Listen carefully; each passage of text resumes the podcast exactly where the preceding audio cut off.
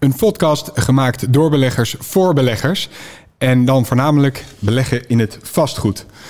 Vandaag heb ik een uh, gast aan mijn tafel, een bijzondere gast. Hij heeft zijn sporen lang en breed verdiend in het uh, voornamelijk Haagse vastgoed. Wouter Langeveld. Wouter, welkom. Leuk dat je er bent. Graag gedaan. Wouter, we gaan het vandaag uh, hebben met jou over verschillende facetten binnen jouw werkveld. Ik wil het onder andere hebben over de woningnood, de aangescherpte regels omtrent verhuur. We gaan het hebben over de toekomst van beleggen in woningen. Maar natuurlijk ook eerst even jouw achtergrond. Kan je me wat meer vertellen over jouw achtergrond? Kom je uit een vastgoedgezin? Uh, nee, ik kom wel uit een, uh, in die zin in een vastgoedgezin. Mijn moeder had, uh, had, had twee, drie beleggingen en, en, en die had ze op een bepaalde manier verworven. En zo was mijn eerste kennismaking met, met vastgoed. Deed je daar al het beheer van? Uh, ja, daar deed ik op jonge leeftijd eigenlijk al het beheer van. In die zin, uh, daar was ik ook in geïnteresseerd. Want ik was eigenlijk heel erg geïnteresseerd van ja, je hebt dus een, een, een, een asset, hè, een woning. En uh, daar komt huur uit. En ja, dat, iemand anders lost die huur af. En dat vond ik een heel mooi model. Ja. Uh, ja, en daar was ik uh, zeer geïnteresseerd in. Dus ik deed ook de administratie. Mijn moeder verhoogde niet eens de huren. Daar was ze niet mee bezig. Dat deed en jij? Ik, ja, en ik las dan op internet, of nou, toen de tijd in boeken. Ja. Uh, of in kranten, dat je de huur kon verhogen, zeg maar. Dus op richting 14, 15 jaar leeftijd zag ik daar wel iets in. Zeg dus maar. toen werd je eigenlijk al getriggerd door het vastgoed? Ja, toen werd ik al getriggerd door het vastgoed, inderdaad. Ja. En hoe is dat verder gegaan?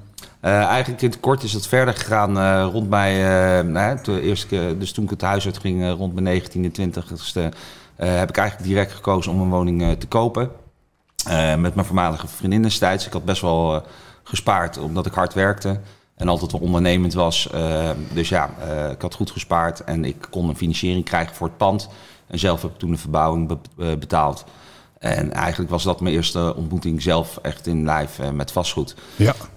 Uh, toen realiseerde ik me ook al vrij snel van hè, vrienden van mij die huurden. En die huur ging iedere maand omhoog en mijn hypotheek ging eigenlijk omlaag. Nou, dat, dat was eigenlijk het rekensommetje wat ik destijds ook al maakte. Dacht ik, hé, hey, dat is eigenlijk wel een goed verdienmodel plus spaarpot uh, waar we mee aan het werk uh, kunnen gaan. Alleen, ik realiseerde me ook dat het vermogen wat je nodig had om daar je werk van te maken aanzienlijk moet zijn. En die weg kende ik nog niet, zeg maar. En ondertussen had ik wel een pand gekocht, ook uh, bij toeval. En die heb ik doorverkocht met een beetje winst. Maar dat was meer een lucky shot, zeg maar. En, uh, en ook een pro pro probeersel. Ja. Uh, en zo ben ik uiteindelijk naar de HBO-economie richting vastgoed gegaan.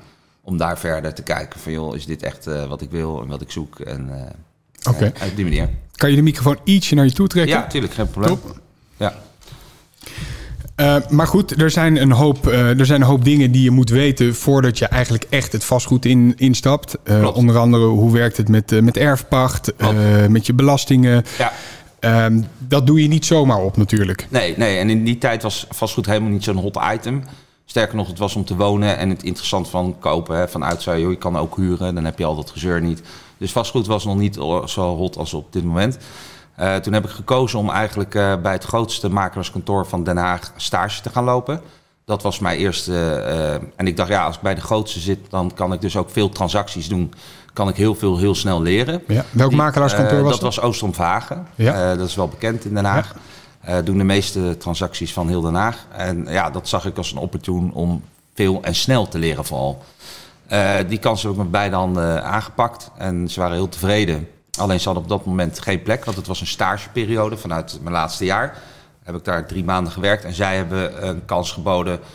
Uh, zij hebben lange al makelaars gebeld en gezegd van joh, ik heb hier een goede stagiair en daar zit potentie in en jullie zoeken iemand, uh, een Haagse jongen. En uh, ja, nou, zo ben ik bij Langezaal komen werken. Dat was het tweede grootste kantoor van Den Haag. Kijk aan, dus, dus je hebt echt dus, wel de grotere kantoren Ja, gepakt. dat heb ik bewust gedaan. Ja. Om, Met om, altijd al het idee, ik wil verder, verder, te gaan en verder gaan in bijvoorbeeld het beleggen en minder in de makelaardij. Klopt, klopt. Dus ik, dat was mijn intentie van hè, dan leer ik veel, dan zie ik veel en ik wilde verder gaan met beleggen. Alleen al bij beleggen kwam ik vrij snel erachter. Want ook in die periode ja, had je eigenlijk maar één bank uh, voor jongens zoals ik. Hè. Dan hebben we het niet over de pensioenfondsen en de grote beleggers, maar uh, dat was de RNB-bank uh, destijds. En daar kon je tegen 60, 70 procent van de waarde kon je financieren. Nou ja, dan ben je met weinig eigen geld natuurlijk snel Ja. uitgespeeld. Ja. Eh, dus dat beleggen, dat dacht ik, hey, dat gaat hem niet op korte termijn worden. En tijdens mijn eh, carrière in, in de makelaardij ben ik iemand tegengekomen die eigenlijk het renoveerde van woningen op een luxere manier dan dat dat daarvoor gebeurde. En toen dacht ik, hé, hey, dat is een mooi concept. En die jongen die kocht een woning bij mij via de maker de Dij. En die kocht dat voor 100.000 euro, ik noem maar een bedrag. En die heeft het verbouwd. En vijf maanden later mocht ik het verkopen en werd het voor 155.000 euro verkocht. Ja, dus toen dacht je, hé, Hey, dat is een, hey, een dat- nieuwe manier. Dat is een nieuwe manier om geld mee te verdienen met vastgoed. Maar, maar tijdens de makelaarij, toen je daar werkte, je kan moeilijk met, eh, de, voor jezelf dan panden kopen. Klopt. Klopt. En, en de makelaar eh, zijn, want dan, dan ben je eigenlijk van, van twee walletjes aan het eten. Ja, klopt. Eh, dat heb ik dus ook niet gedaan. Eh, nou, op een gegeven moment ja, werd dat wel lastig. Want ik zag natuurlijk wel veel opportunities om, om te kopen. En later heb ik een keuze gemaakt om te zeggen van... nou oké, ik zoek een partner die wat over meer geld beschikbaar, beschikbaar heeft. En dat was ook die jongen die ik destijds had leren kennen. Ehm, en eh, ik ben met hem samen panden gaan kopen. En hij was een soort, ja, eh, ja eh, hoe zeg je dat, Een backup zeg maar, Ja. voor het geld zeg maar. Ja. En, En hij had al wat ervaring hij had met... ook ervaring met aannemers. Dus eerst had ik het vastgoed geleerd. Wat is het? Hoe, wat zit daar allemaal vast? En daarna ja, leerde ik van hem, wat is nou eigenlijk die aannemerij? Want dat is ook helemaal nieuw voor mij. En wie moet je daarvoor hebben? En hoe verbouw je dan? En wat voor afspraken maak je dan? Ja. En dat was eigenlijk een nog betere combinatie. Dan kon ik dat weer leren. En, Hebben we het over Pascal van de Heuvel? Eh, Pascal, Nee, eh, nee, nee. We hebben het over Raymond Bos destijds. Oké, oké. Ja, ja, ja, ja. En eh, nou, zo zijn we begonnen. Heb ik wat geld verdiend. Nou, die samenwerking liep gewoon ja, een stuk. Omdat het zo was. Het liep niet lekker. Dat kan. Dat kan. Toen ben ik een tijdje alleen verder gegaan. Maar ja, toen merkte ik al snel dat de slagkracht miste. De kennis, het netwerk. Ik moest natuurlijk in alle... Kijk, vastgoed is en je bent een soort aannemer... En eh, je bent vastgoedspecialist en je bent al halve jurist, eh, omdat er allemaal dingen aanklappen. En je moet ook nog netwerken om de panden Ja, te vinden. ja, ja. Dus ja, dat werd het wat te veel. En toen ben ik eh, rond 2008 ben ik Pascal van de Heuvel tegengekomen, dus een 13, 14 jaar geleden. En hij was ook al bezig met pionieren in het vastgoed. Ehm, en hij had een goede kredietlijn had hij opgebouwd al bij de Rabobank. En eh, zo hebben wij gekozen om samen te bundelen. Ik had veel verstand van vastgoed. Ik kende die eh, via die makelaardij. En hij was een behoorlijke netwerker Ja. in die tijd. En, eh, en had verstand van hoe je eh, dingen mooi kon maken. Dus, dus qua interieur en, en exterieur van een woning. En die combinatie die werkte perfect. En was dat meteen een goede klik Ja, tussen ja, jullie? we hadden gelijk een goede klik. We hebben één pand geprobeerd. Dat was gelijk een succes. En hij vond het heel prettig om met mij samen te werken. Had daarvoor ook een eigen compagnon. Want ik liet hem zijn ding doen waar hij goed in was.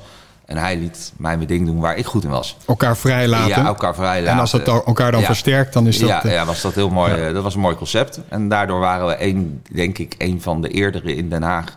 die op een luxe manier eh, woningen opknapte. Dus toen kwamen jullie met een totaalconcept. Volledig gerenoveerde woningen, waar ook nog eens garantie op werd gegeven. Klopt. We zien in deze tijd dat er een hoop huwelijken kapot gaan. En er zijn inderdaad ook televisieprogramma's over. Dat mannen zeggen: nee, ik knap het nog wel eventjes op, de laatste punten. Ja. Dat brengt zoveel stress met zich mee, omdat het vaak veel langer duurt dan dat je in eh, eerste instantie inschat. En meer geld kost. En meer geld kost. En jullie nemen en namen eigenlijk die stress weg. Klopt, klopt, klopt, klopt, klopt, klopt. Ja, en dat, eh, dat concept werkte heel goed. En eigenlijk in de crisis eh, werkte dat nog beter. Eh, want ik begon eigenlijk ook een beetje in de crisis 2008. Hè. Dat was een, een moeilijke, moeilijke markt. Ja. Eh, sterker nog, eh, de stijgingen waren er helemaal niet zo. En daardoor konden wij wel goedkoop inkopen, omdat mensen nerveus waren van, hè, dan ben ik het maar kwijt. ja. Kregen ze dan ook geen bouwdepot bijvoorbeeld? Of Nee, was dat lastiger? Nou ja, dat is dus eigenlijk eh, wat gebeurde. En daardoor ging het bij ons nog beter. Is dat eigenlijk die bouwdepots werden afgeschaft. En daardoor konden mensen helemaal niet meer inschatten van... ja, ik koop een oude woning. Eh, en ja, wat moet ik ermee? Hoeveel Ja. geld gaat daarin? En de bank werkt niet mee. En daardoor waren de verkopers van oude woningen genegen... om tegen een lagere prijs te verkopen omdat zij ook wel inzagen dat die markt heel lastig was. Want het was eigenlijk maar, alleen maar weggelegd voor mensen met veel eigen geld. Ja. En dan ben je dat met z'n tweeën aan het doen. Ja. Ehm, over hoeveel woningen hebben we het? Eh, nou, in het beginsel waren we begonnen natuurlijk uiteraard... want eigenlijk in het begin gingen we al vrij snel. Gingen we al naar 20, 30 woningen per jaar.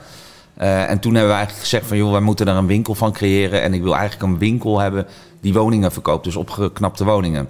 Eh, met een winkeluitstraling, waar mensen binnenlopen. hey, ik zoek een woning en welke woning hebben jullie voor mij? Dus eigenlijk een soort maak, niet een makelaar, maar ja, een productiebedrijf. Exact. Wij, exact. wij hebben ons ook altijd naar de bank gepres- eh, gepresenteerd als productiebedrijf, niet als vastgoedhandelaar.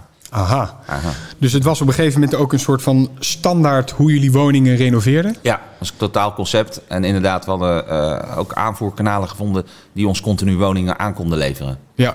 Ja. Ehm, ik heb wel eens vernomen dat het ehm, met aannemers niet altijd makkelijk, eh, makkelijk is om te werken. Nou, als, je, als je 12 tot eh 20 woningen per jaar doet, eh, dan is dat, ehm, ja, is dat best wel managen, Klopt. lijkt me. Maar daar bleef het niet bij, toch? Nee, daar bleef het niet bij. Uiteindelijk zijn we gegroeid in de top naar, 6, eh, naar 70 tot 100 woningen per jaar op te leveren. Wauw. Eh, dat deden we met een klein team van vier personen. Dus hè, eh, een secretaresse hadden we, een topper. eh, Ja, een hele dat goeie- moet wel. Ja, dat moet wel. Want die had aardig wat dossiertjes eh, weg te draaien.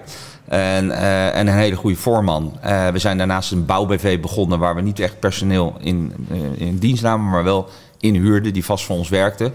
Eh, en daarbij ook eh, hebben we gekozen om de materialen uit de aanneemsommen te halen. Omdat wij merkten in de beginperiode dat de aannemers failliet gingen. eh, doordat zij te lage prijzen vroegen.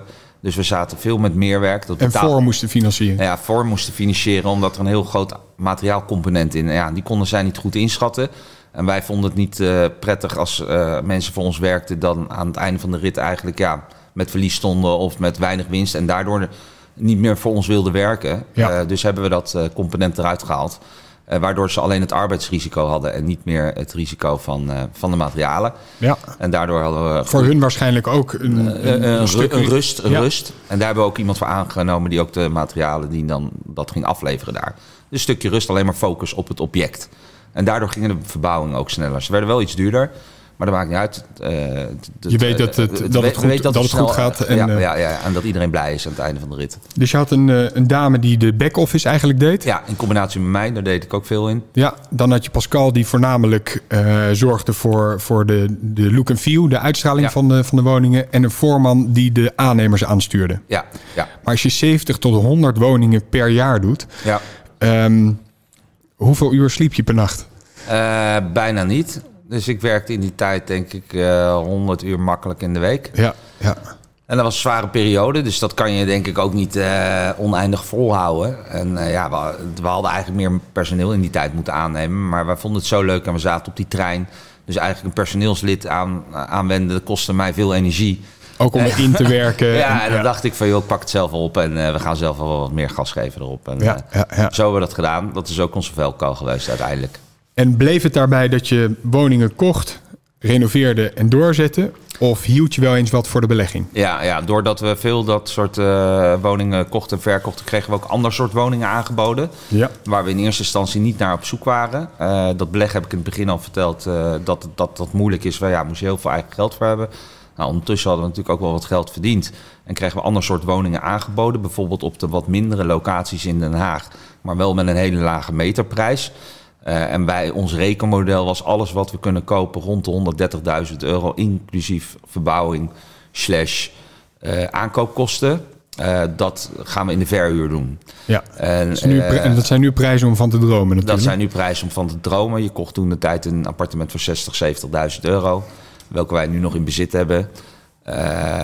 En die verhuurden we voor toen de tijd 700, 800 euro per maand. En dan hadden mensen een mooie opgeknapte woning voor die prijsklasse. In die tijd zijn we samen gaan werken ook met iemand die was al wat verder in het splitsen van woningen. Dus dat betekent een eh drielaags bovenhuis in het Zeeheldenkwartier. In eerste instantie is dat natuurlijk helemaal geen beleggingsobject. Want ja, je gaat het niet aan één iemand verhuren. Ehm, en die jongen die was echt gespecialiseerd in het eh, opsplitsen van appartementen.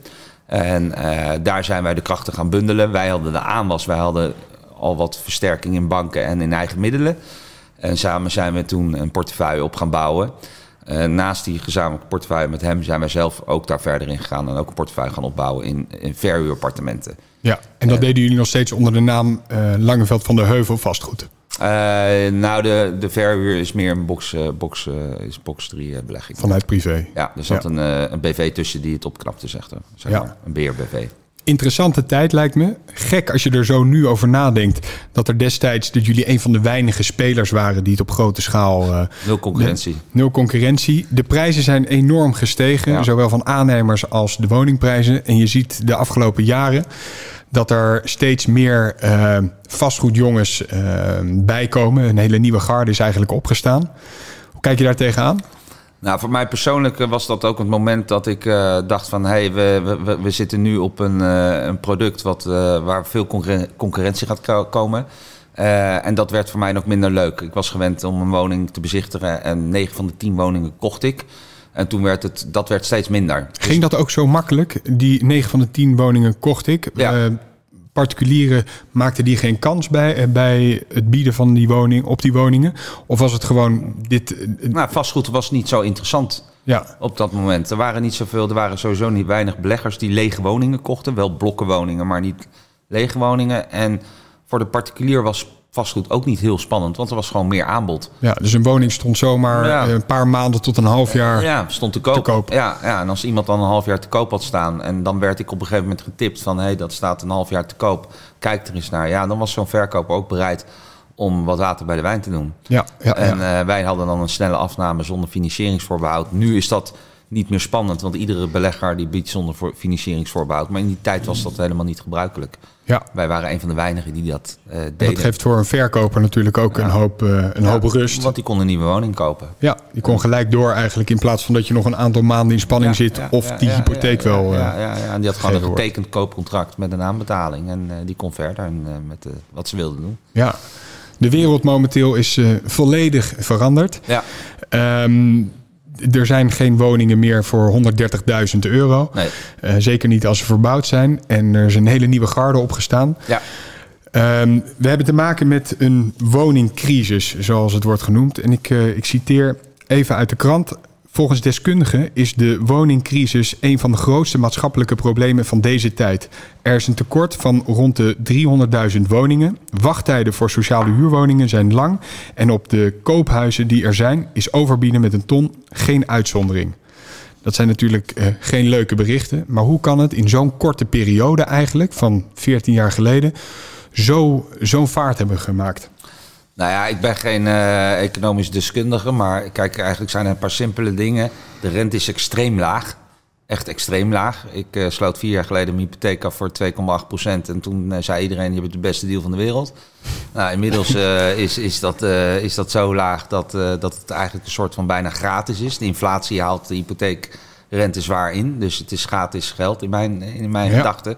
En dat, eh, dat zorgt ervoor dat heel veel mensen eh, grotere woningen gaan kopen. Ik denk dat, ja, nogmaals, ik ben geen specialist.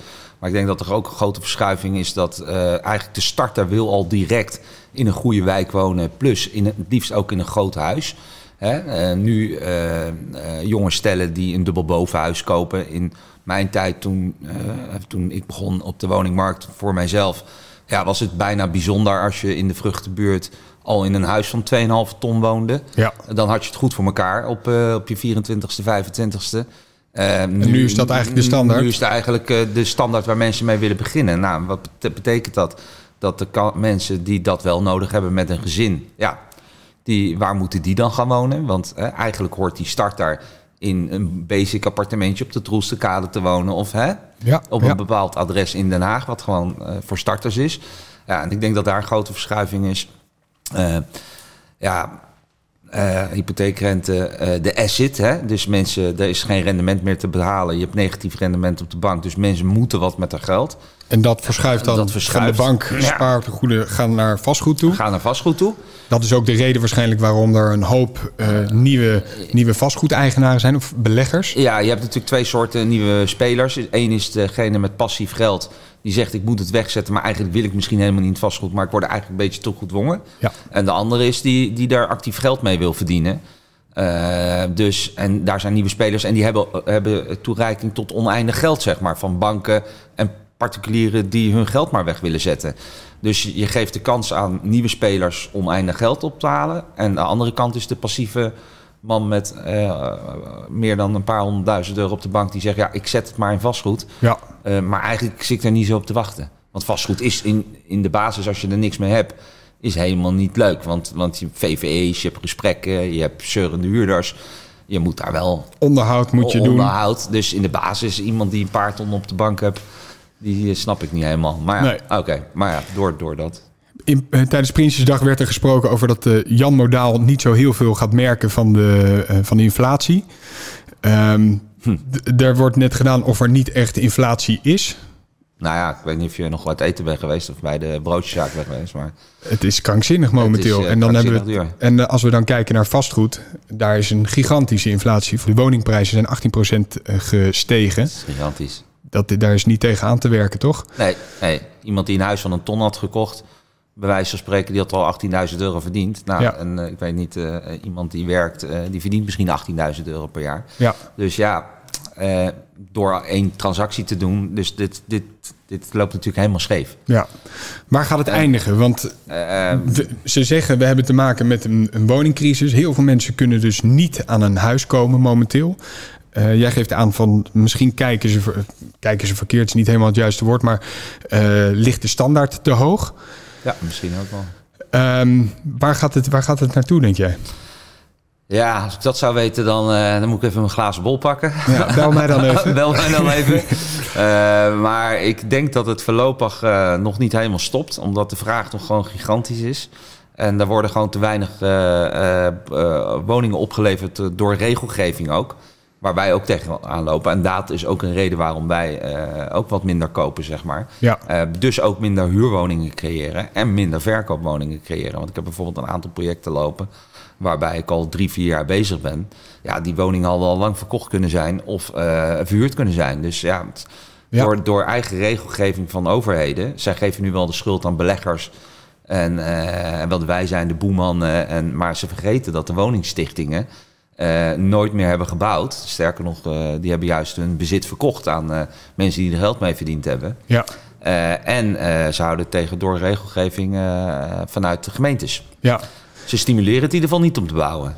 Maar er wordt nu ook iets gedaan aan het opkopen door beleggers. Die, de overdrachtsbelasting is natuurlijk met 6% gestegen. Ja, Daarnaast eh, krijgen we een, verhuurders, ehm, een verhuurdersvergunning Ja. die nodig is. klopt. Had je vroeger ook de woonvergunning. Oké, is Ja. dat er op een gegeven moment afgegaan? Ja, toen ik net begon was de woonvergunning daar. Dus alles onder, dat weet ik niet meer exact, maar alles onder de 100.000 euro of 80.000 euro moest je een woonvergunning voor aanvragen. Dus dat het alleen maar bereikbaar was voor degene met het lagere inkomen Ja. eh, of de starter. hè. Daar waren wat eh criterium voor. En in die tijd had je dat al. Dus als wij een woning verkochten in die periode van Langezaal, dan moesten wij altijd nam een koper een voorbehoud woonvergunning op. Oké. En is dat, kan ik dat vergelijken met een, eh, het puntensysteem? Dat er wordt gekeken van je mag de woning verhuren of verkopen als er, als er aan zoveel voorwaarden wordt voldaan? Ja, zo moet je het wel een beetje zien, ja. Ja, ja toen had je natuurlijk volgens mij ook een ministerie van Volkshuisvesting nog. En dat is nu niet meer. Hè. Dat is toen de tijd volgens mij afgeschaft. Ja. En daar zijn ze nu weer mee bezig om dat weer op te richten. Ja, en dan krijg je dat soort regelgevingen om eh, mensen te gaan beschermen eh, die het eh, nodig hebben. En wat ik ook op zich kan begrijpen. Ja, ja.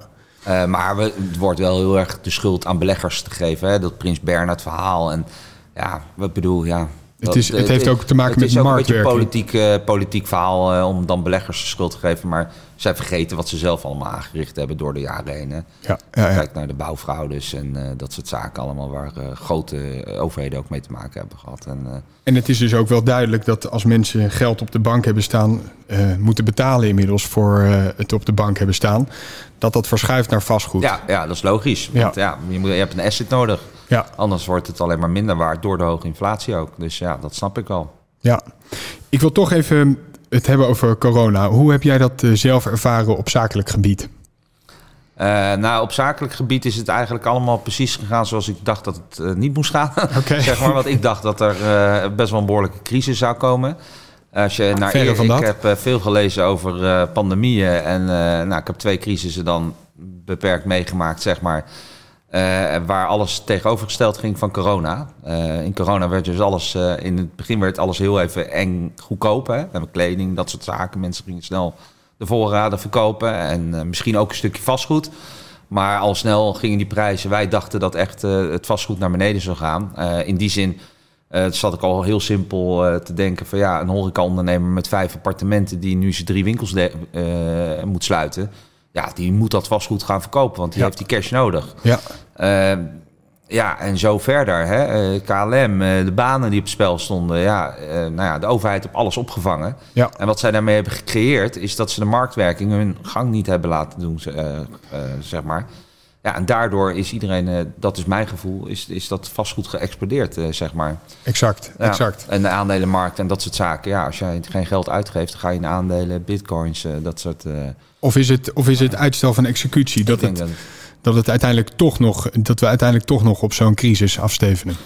Ik ben bang van wel. Maar ja, Die glazen bol, hè? die daar glazen bol, dat, uh, dat, dat, dat weet ik niet. Je ziet Ja. natuurlijk nu ook in China dat uh, dat, uh, dat het grootste vastgoedbedrijf van de wereld zijn verplichtingen niet kan voldoen. Ja, dat zullen met heel veel andere dingen te maken hebben. Maar ja, dat zijn natuurlijk wel tekenen dat het toch allemaal wat.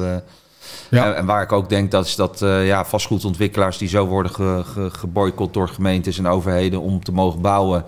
Uh, ja, misschien ook wel problemen kunnen krijgen als dat te lang duurt. Ja, ik weet het niet. Hoe ging jij ermee om als uh, huurders naar jou, uh, aan jou vroegen of zij een huurkorting konden krijgen of misschien even de huur konden bevriezen omdat het gewoon uh, niet te doen was vanwege corona? Uh, met, uh, met de bedrijfspanden hebben we gelijk gezegd dat is goed. Uh, dus dan hebben we of een middenweg gekozen. Uh, iemand die nog online verkocht, die, uh, die, die wat korting kreeg. En, en ja, we hadden bijvoorbeeld ook een schoonheidsspecialist. Ja, die kon niks verdienen. Nee. Ja, die hebben we gewoon de huur niet laten betalen, zeg maar. Uh, maar wel aangegeven van ja, uh, als dat te lang duurt, dan moet je misschien maar opzeggen. Ja, want uiteindelijk is het ook onze, onze inkomsten. Hè? En bij ons gaat de rente, de WOZ-waardes, uh, verzekeringen. Want dat zien vaak mensen niet. Hè? Ik had ook huurders aan de telefoon. Ja, maar ik betaal jou 700 euro. Ja, ik zeg maar, die is niet alleen van mij. Daar zit misschien een marge op van 100 euro, noem maar Ja, wat. ja, ja. En daar gaat heel veel van af. Dus ja. We hebben te maken met die hypotheek, ja. eh, belastingen, VVE-bijdragen, noem het op. Ja, ja, ja, ja precies. Dus, uh, maar dat leg je dan uit en dan begrijpen ze het ook wel. Dus ja, we hebben wat kortingen moeten geven. En prima, dat hoort erbij.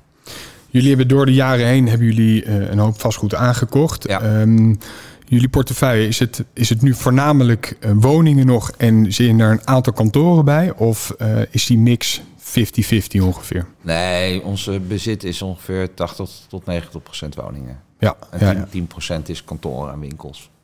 10, Wat- 15 procent. En wat voor projecten zijn jullie momenteel mee bezig? Uh, we zijn eigenlijk mooie projecten nog bezig. We zijn op het Spuit 12 bezig. Uh, nou, daar zijn we wel drie jaar al bezig. Maar Ja. Waar ligt dat aan? Omdat het een volledig nieuw project is? Uh, het is een nieuw project en er zitten heel veel buren en iedereen heeft er wat te vinden. En op dit moment is bij de gemeente is het zo druk dat zij gewoon eigenlijk al per definitie bijna alles afwijzen wat moeilijk is door de druk. Uh, we zijn er ook een rechtszaak uh, voor begonnen tegen de gemeente. Oké. Uh, omdat onze overheidskosten maar doorlopen. En ze hebben eigenlijk geen reden om af te wijzen. Dus goed, daar zijn we mee bezig. Uh, dat is het negatieve deel. Maar het positieve is dat er wel mooi, zes mooie appartementen komen. Met een winkel. Uh, we zijn bezig een oude school aan het transformeren van 22 appartementen. Wauw. Een middenhuur is dat allemaal rond de 900 euro. Ze- uh, tussen 7 en 900 euro. Uh, dus dat zijn we aan het transformeren. En we zijn uh, nog een blok aan het transformeren van 12 woningen. Uh, dat is eigenlijk nog wat we doen. In, Ja. en daarnaast participeren we in jongens die deden wat wij deden. Waar we participaties in hebben die de woningen opknappen en verkopen. Je gaf net aan, we, we kopen wat minder. Dit lijkt absoluut niet minder als je met zoveel projecten tegelijk bezig bent. Uh, nou, het zijn wel dingen uit het verleden. Dus we zijn eigenlijk wel. We hebben nog wel woningen eh, de laatste twee jaar gekocht. Maar niet meer die aantallen die we deden, zeg maar. En dit zijn projecten die drie jaar geleden nog aan zijn gekocht. In de, uh, in de, want we hebben een deel drie jaar geleden van ons pakket verkocht. Om een andere weg in te slaan. Uh, en, en dit valt nog onder uh, destijds, zeg maar. Dus uh, toen we nog actief waren. En komt dat dat jullie nu minder inkopen omdat er zoveel regelgeving is? Overdrachtsbelasting die omhoog is gegaan, de prijzen die schieten, schieten echt omhoog. Of is het omdat er gewoon minder aanbod is? Nou, eigenlijk zijn we het, uh, de, wat ik net zeg, zijn we drie jaar geleden al wat minder gaan kopen, zeg maar. Uh, dus zijn we gestart met minder te kopen, omdat wij de regelgeving was heel erg omslachtig. Uh, dus de vergunningen werden iets ontzettend uitgebreid. Nou, daardoor heb je ook nog internet, de snelle communicatie via WhatsApp. Dus wel heel veel met buren te maken. Iedereen vond daar wat van. Ja. Van dat ene pand wat wij aan het verbouwen waren. Dus de hele straat was aan het verbouwen. Maar omdat LVDA vastgoed eh daar aan het verbouwen was, dan vonden ze daar wat van. Want wij Omdat jullie belegger zijn. omdat wij er geld mee verdienden. ja. En eh, dat werd zo omslachtig dat, eh, dat, ja, dat je gewoon in discussies kwam met mensen waar je eigenlijk niks mee had te maken. Soms ook met een buur met drie straten verder.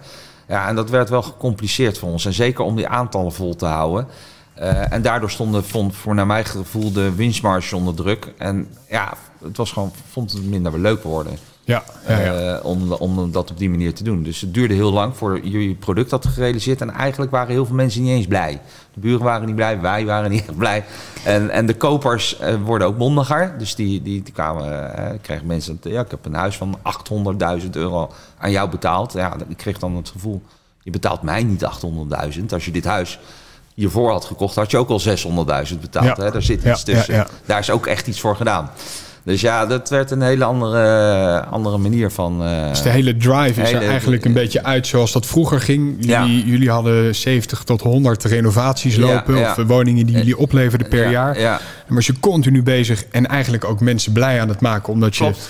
Prachtige woningen de opleverde. buurt was ook vaak blij, want er werd iets moois gecreëerd. Ja, van waarschijnlijk woningen die al langere tijd ja, eh, ja, leeg en stonden. een doorn in het oog waren voor heel veel mensen. En tegenwoordig is het, eh, ja, word, je, word je eigenlijk een beetje met de nek aangekeken. Klopt, omdat klopt, je eh, klopt. vastgoed eh, Klopt, klopt, jongen bent die Ja, aan het renoveren dat, is. Dat is eigenlijk echt eh, wat, eh, hoe het is gegaan, zeg maar. Ja, ja, ja, dat is wel zonde natuurlijk. En dat maakt het werk ook wel minder eh, leuk, lijkt me. Klopt. Vandaar dat jullie een andere weg in zijn geslagen.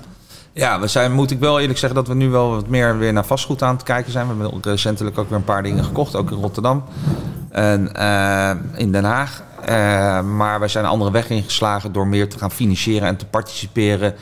En eh, in, in, in scale-ups en start-ups te gaan, zeg maar. Oké, oké. En dat Dus, is eh, allemaal vastgoed gerelateerd? Ja, het meeste is toch gek genoeg weer allemaal vastgoed gerelateerd. Ja, daar heb je zelf het meeste verstand van natuurlijk. Uiteindelijk, eh, dat denk ik, ja. Ja, ja, ja. Dus dat, dat hebben we gedaan. Dus we hebben een financieringsbedrijf. Dus we financieren jonge ondernemers die vastgoedgerelateerde activiteiten doen. Ja, Ehm, dus we zijn niet echt een concurrent van de bank, maar meer een niche-markt. Hè? Dus mensen die, eh, die van alles willen. En, nou, goed, en dat, eh, daar kunnen ze voor ons terecht.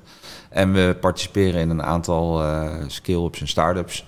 Nou, dus dat zijn we eigenlijk mee bezig. En Ja. ondertussen zijn we ook wel weer naar vastgoed aan het kijken. Eh, en ook weer wat aan het kopen, zeg maar. En de jonge jongens die bij jullie terechtkomen, waarom gaan zij niet eh, eerst naar een bank toe? Nou, omdat eh, ten eerste kunnen ze bij ons heel snel schakelen. Dus binnen 24 uur kunnen ze eventueel het, het geld ontvangen. Uiteraard als iedereen meewerkt, maar dat is eigenlijk ons systeem. We kijken gewoon meer naar het vastgoed en naar de persoon die daarmee bezig is. De bank kijkt natuurlijk heel veel naar cijfers en family offices, die kijken ook allemaal naar cijfers. Eh, en wij kijken meer van, joh, wat koopt diegene nou en wie is diegene? Je kijkt ook meer echt naar de persoon. naar de persoon. En het is Ja. eigenlijk een beetje hetzelfde verhaal met een, eh, een huurwoning. Iemand die, die, die, die tien jaar lang duizend euro per maand verdient, hè, maar niet op contract. En die betaalt ook die duizend euro huur. Maar als die wil huren bij Ja. ergens, ja, Dan dan, krijgt hij het niet voor elkaar. Ja, Of een hypotheek krijgt hij ook niet. Maar, dat is het, maar een hypotheek van 500 euro per maand kan hij niet krijgen. Dus dat is natuurlijk een omgekeerde wereld. absoluut. En zo kijken wij daarnaar. En dat Ja. vind ik dat banken trouwens moeten gaan doen, ook bij particulieren die eh, gewoon flexibel werken, maar wel altijd al de betalingsverplichtingen bijvoorbeeld tien jaar hebben kunnen doen. Want we hebben steeds meer te maken met ZZP'ers. Ja, En- steeds meer te. En die hebben het heel zwaar. Ja. Om, eh, die kunnen makkelijk die last van 1000 euro dragen, Ja. al tientallen jaren misschien. Maar ze krijgen geen financiering. En wij kijken dan echt meer naar de partij die. Het zou mooi zijn als daar wat soepeler naar werd gekeken. Ja, maar dat gaat niet gebeuren door alle regelgeving, denk ik. ja, Maar I don't know. Ik wil toch even weten, je bent, een, eh, je bent al wat, wat groter in het vastgoed. Wat zijn nou echte leermomenten voor jou geweest in jouw carrière? Eh, het grootste leermoment is denk ik eh, toch wel Oostrom en Langezaal Makelaars. Daar heb ik eh, heel veel en heel snel geleerd eh, wat vastgoed is. Omdat wij daar heel eh, verschillend divers vastgoed aanboden. Dus herenhuizen, appartementen, dubbelbovenhuizen, portieken, eh, bedrijfspanden, stukje kantoorpanden waar ik niet zoveel mee deed. Want dat deed een andere afdeling, maar waar ik wel dingen van meekreeg. En je kwam in heel veel casussen met emoties, maar ook met juridische, juridische eh, zaken. Dus, Ja. dus je kon heel snel. eh, eh, en ik, heel, heel, in een hele korte tijd had je de stad Den Haag compleet in zicht. Ik kende bijna iedere straat in Den Haag. Ja, In een ja, hele ja. korte tijd. En daardoor heb je een goed beeld van de stad. Raad je nieuwe vastgoedjongens die, die hun carrière willen maken in het vastgoed, renoveren en bezitten of verkopen. Eh, raad je die ook aan om eh, eerst bijvoorbeeld voor een makelaarskantoor te gaan werken? Ja, wat ik wel merk bij de nieuwe generatie, dat ze heel slecht zijn in administratie en dossiervorming. Dat vind ik echt een eh, beperking. Hè? Dus dat je echt vraagt van, eh, god, vragen een financiering bij mij aan. En dan krijg ik wat, nou, dan niet, net niet klaplaartjes doorgestuurd. En Ja. Ik was daar eigenlijk al vrij gestructureerd, omdat ik begreep wat iemand nodig had om een goede financiering te verstrekken. Of een beeld te geven van Hoe het eruit ziet. object. Ja, En eh, misschien is dat ook wel iets van deze tijd snel alles doorsturen zonder echt iets toe te voegen.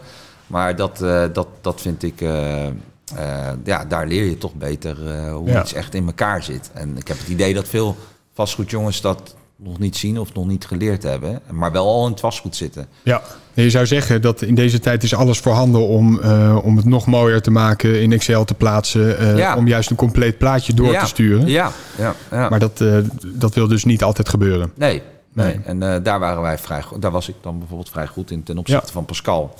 Ja, Om, eh, die goed- was meer het creatieve brein. Ja, ja, ja. En wij, ik zou dacht van zo moet je dat insteken. En dan, eh, dan heb je het meeste kans van slagen, zeg maar. Ja, ja, hoe beter je het presenteert, hoe meer je voor elkaar krijgt natuurlijk. Ja, precies. Ehm, je vertelt, we zijn nu wel weer bezig in het vastgoed. We kijken ook naar start-ups. Eh, we helpen de jonge garde in, in het vastgoed. Ehm, het beleggen in vastgoed. Er zijn, ook, er zijn ook andere dingen waar je in kan beleggen. We hadden het net al heel kort even, je benoemde het bitcoin, cryptocurrency. Is dat iets, is dat iets voor jou om in te beleggen? Eh, nou, ik heb er wel iets in, maar ik vind het e- best wel nerveus. eh, iets, Ja. ja. probeer er Het is niet. heel volatiel natuurlijk. Ja, mijn compagnon die zegt bijvoorbeeld... kijk er gewoon niet naar, haal zo'n app van je telefoon en eh, let it go. En we zien over een paar jaar wel weer. Ja. Ik denk dat het de beste insteek is. Dit is niet, niet iets waar je je werk van kan maken. Het zijn natuurlijk opportunities van... hè, ik investeer 1000 euro en ik hoop er 1200 euro van te maken. Ja, en misschien op lange... Wij hebben de visie dan op lange termijn dat het... Hè, omdat heel veel... Ja, eigenlijk een beetje... Omdat heel veel mensen denken en zeggen... een klein beetje in verdiept... dat er wel een mogelijkheid is dat het Ja. een asset is... wat behoorlijk wat meer waard kan worden. Maar wie het is meer een soort side project. is, niet, het- is niet iets waar we mee bezig zijn. Het is puur eh, net als dat we wat aandelen hebben. Maar Wil is ik niet, toch niet nog onze core business. wil ik toch nog even over die glazen bol hebben waar we net eh, over spraken. Ehm, die huizenprijzen, het, het slaat nergens op hoe snel het allemaal stijgt. Stel nou, het stijgt eh, komend jaar nog eens met de komende drie jaar nog eens met, eh, met 30 procent. Ja. Overweeg je dan om je portefeuille op een gegeven moment te verkopen omdat het zo snel aan het stijgen is? Of zeg je nee hoor, voor mij is het goed. Die huren die binnenkomen, daar ben ik blij mee. Nou, eigenlijk in 2018 hebben we 20% van onze portefeuille verkocht. En die had eigenlijk de simpele reden, dat is precies wat jij zegt. Eh, wij zagen die waardestijging in die portefeuille. En de huren die daar tegenover stonden, die waren eigenlijk niet meer gematcht met die waarde die erin zat. Dus in eerste instantie hadden we bijvoorbeeld voor een ton gekocht. Hè, daar zat een huur Ja. van 800 euro. Dat was perfect. Dat was een goed rendement, een goede hefboom met de bank. En daarna was dat pand bijvoorbeeld 200.000 euro waard. Even simpel gezegd, maar er nog steeds dezelfde huur in. Ja. Dus eigenlijk matchte dat niet meer met de huur, eh, op basis wat onze gedachte was.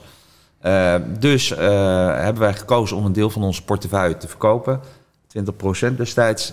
Achteraf hadden we misschien moeten houden. We hebben ondertussen wel weer geld verdiend met het geld waar we het eh, hebben Ja. verdiend. Maar, het maakte wat meer mogelijk het om maakte weer wat meer mogelijk. andere kant op te gaan. Ja, de andere kant op te gaan. Dus, dus het verhaal klopte gewoon niet meer van Ja. onze insteek. Maar dat was mooi. En, dus ja, jouw vraag is wel een moeilijke vraag. Want op dit moment is geld op de bank, zoals iedereen weet, ook niet zoveel waard. En wat koop je ervoor en terug? wat koop je ervoor Ja, terug? En, bitcoins. eh, bitcoins, maar dat eh, doe ik dus niet. Eh, want ik wil graag het behouden allemaal. En rust dat, hebben. Dat, ja, precies, Ja, met name ja, rust. Dus ja, dat is een moeilijke vraag. Want ik denk dat er niet zoveel assets zijn waar we dan direct met ons geld naartoe kunnen. Als ik die wel had, had ik het gelijk gedaan. Ja, ja, ja, maar het wordt gewoon steeds lastiger.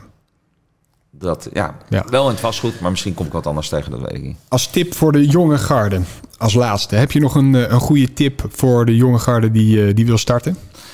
Ja, ik denk dat het heel moeilijk is om te starten. Mits je een eh niche-marktweert gaat verzinnen in het vastgoed. Bijvoorbeeld een compagnon van mij waar ik wat bij be- bezit. Ja, in logies gaat hij nou wat meer. Omdat daar toch weer de rendementen zijn te behalen. Omdat die aankoopprijzen zo hoog zijn. Ja. Eh, maar echt in het reguliere vastgoed snap ik niet precies een appartement kopen en verhuren. eh, waar dan op Waar dan je dan moet je het echt in je indirecte rendement hebben. Ja. Ja, en ik heb wel Dus dat is je waardestijging. dat is wel je waardestijging. Ja, en ik maar heb dat wel, is- ik dat heb wel zoiets, je leeft ook nog vandaag. Dus je wil ook Ja. vandaag nog wat eh, Ja. van je investering terugzien. Eh, Maar dat is eigenlijk speculeren als je puur voor de waardestijging gaat. Ja. Het stijgt nu heel erg hard, maar het kan straks ook een eh, behoorlijke daling Eh, krijgen als die rente eventueel weer omhoog gaat. als de rente naar 4% gaat, ja, dan hebben we een groot probleem natuurlijk. Ja, ja, Tenminste, ik niet persoonlijk, maar heel veel mensen wel. ja, ja. Zeker die net hebben gekocht. Dankjewel voor dit gesprek. Graag gedaan. Leuk om je aan tafel te hebben. Ja, nou wederzijds. Dus Yes. graag gedaan. Helemaal goed. Dankjewel.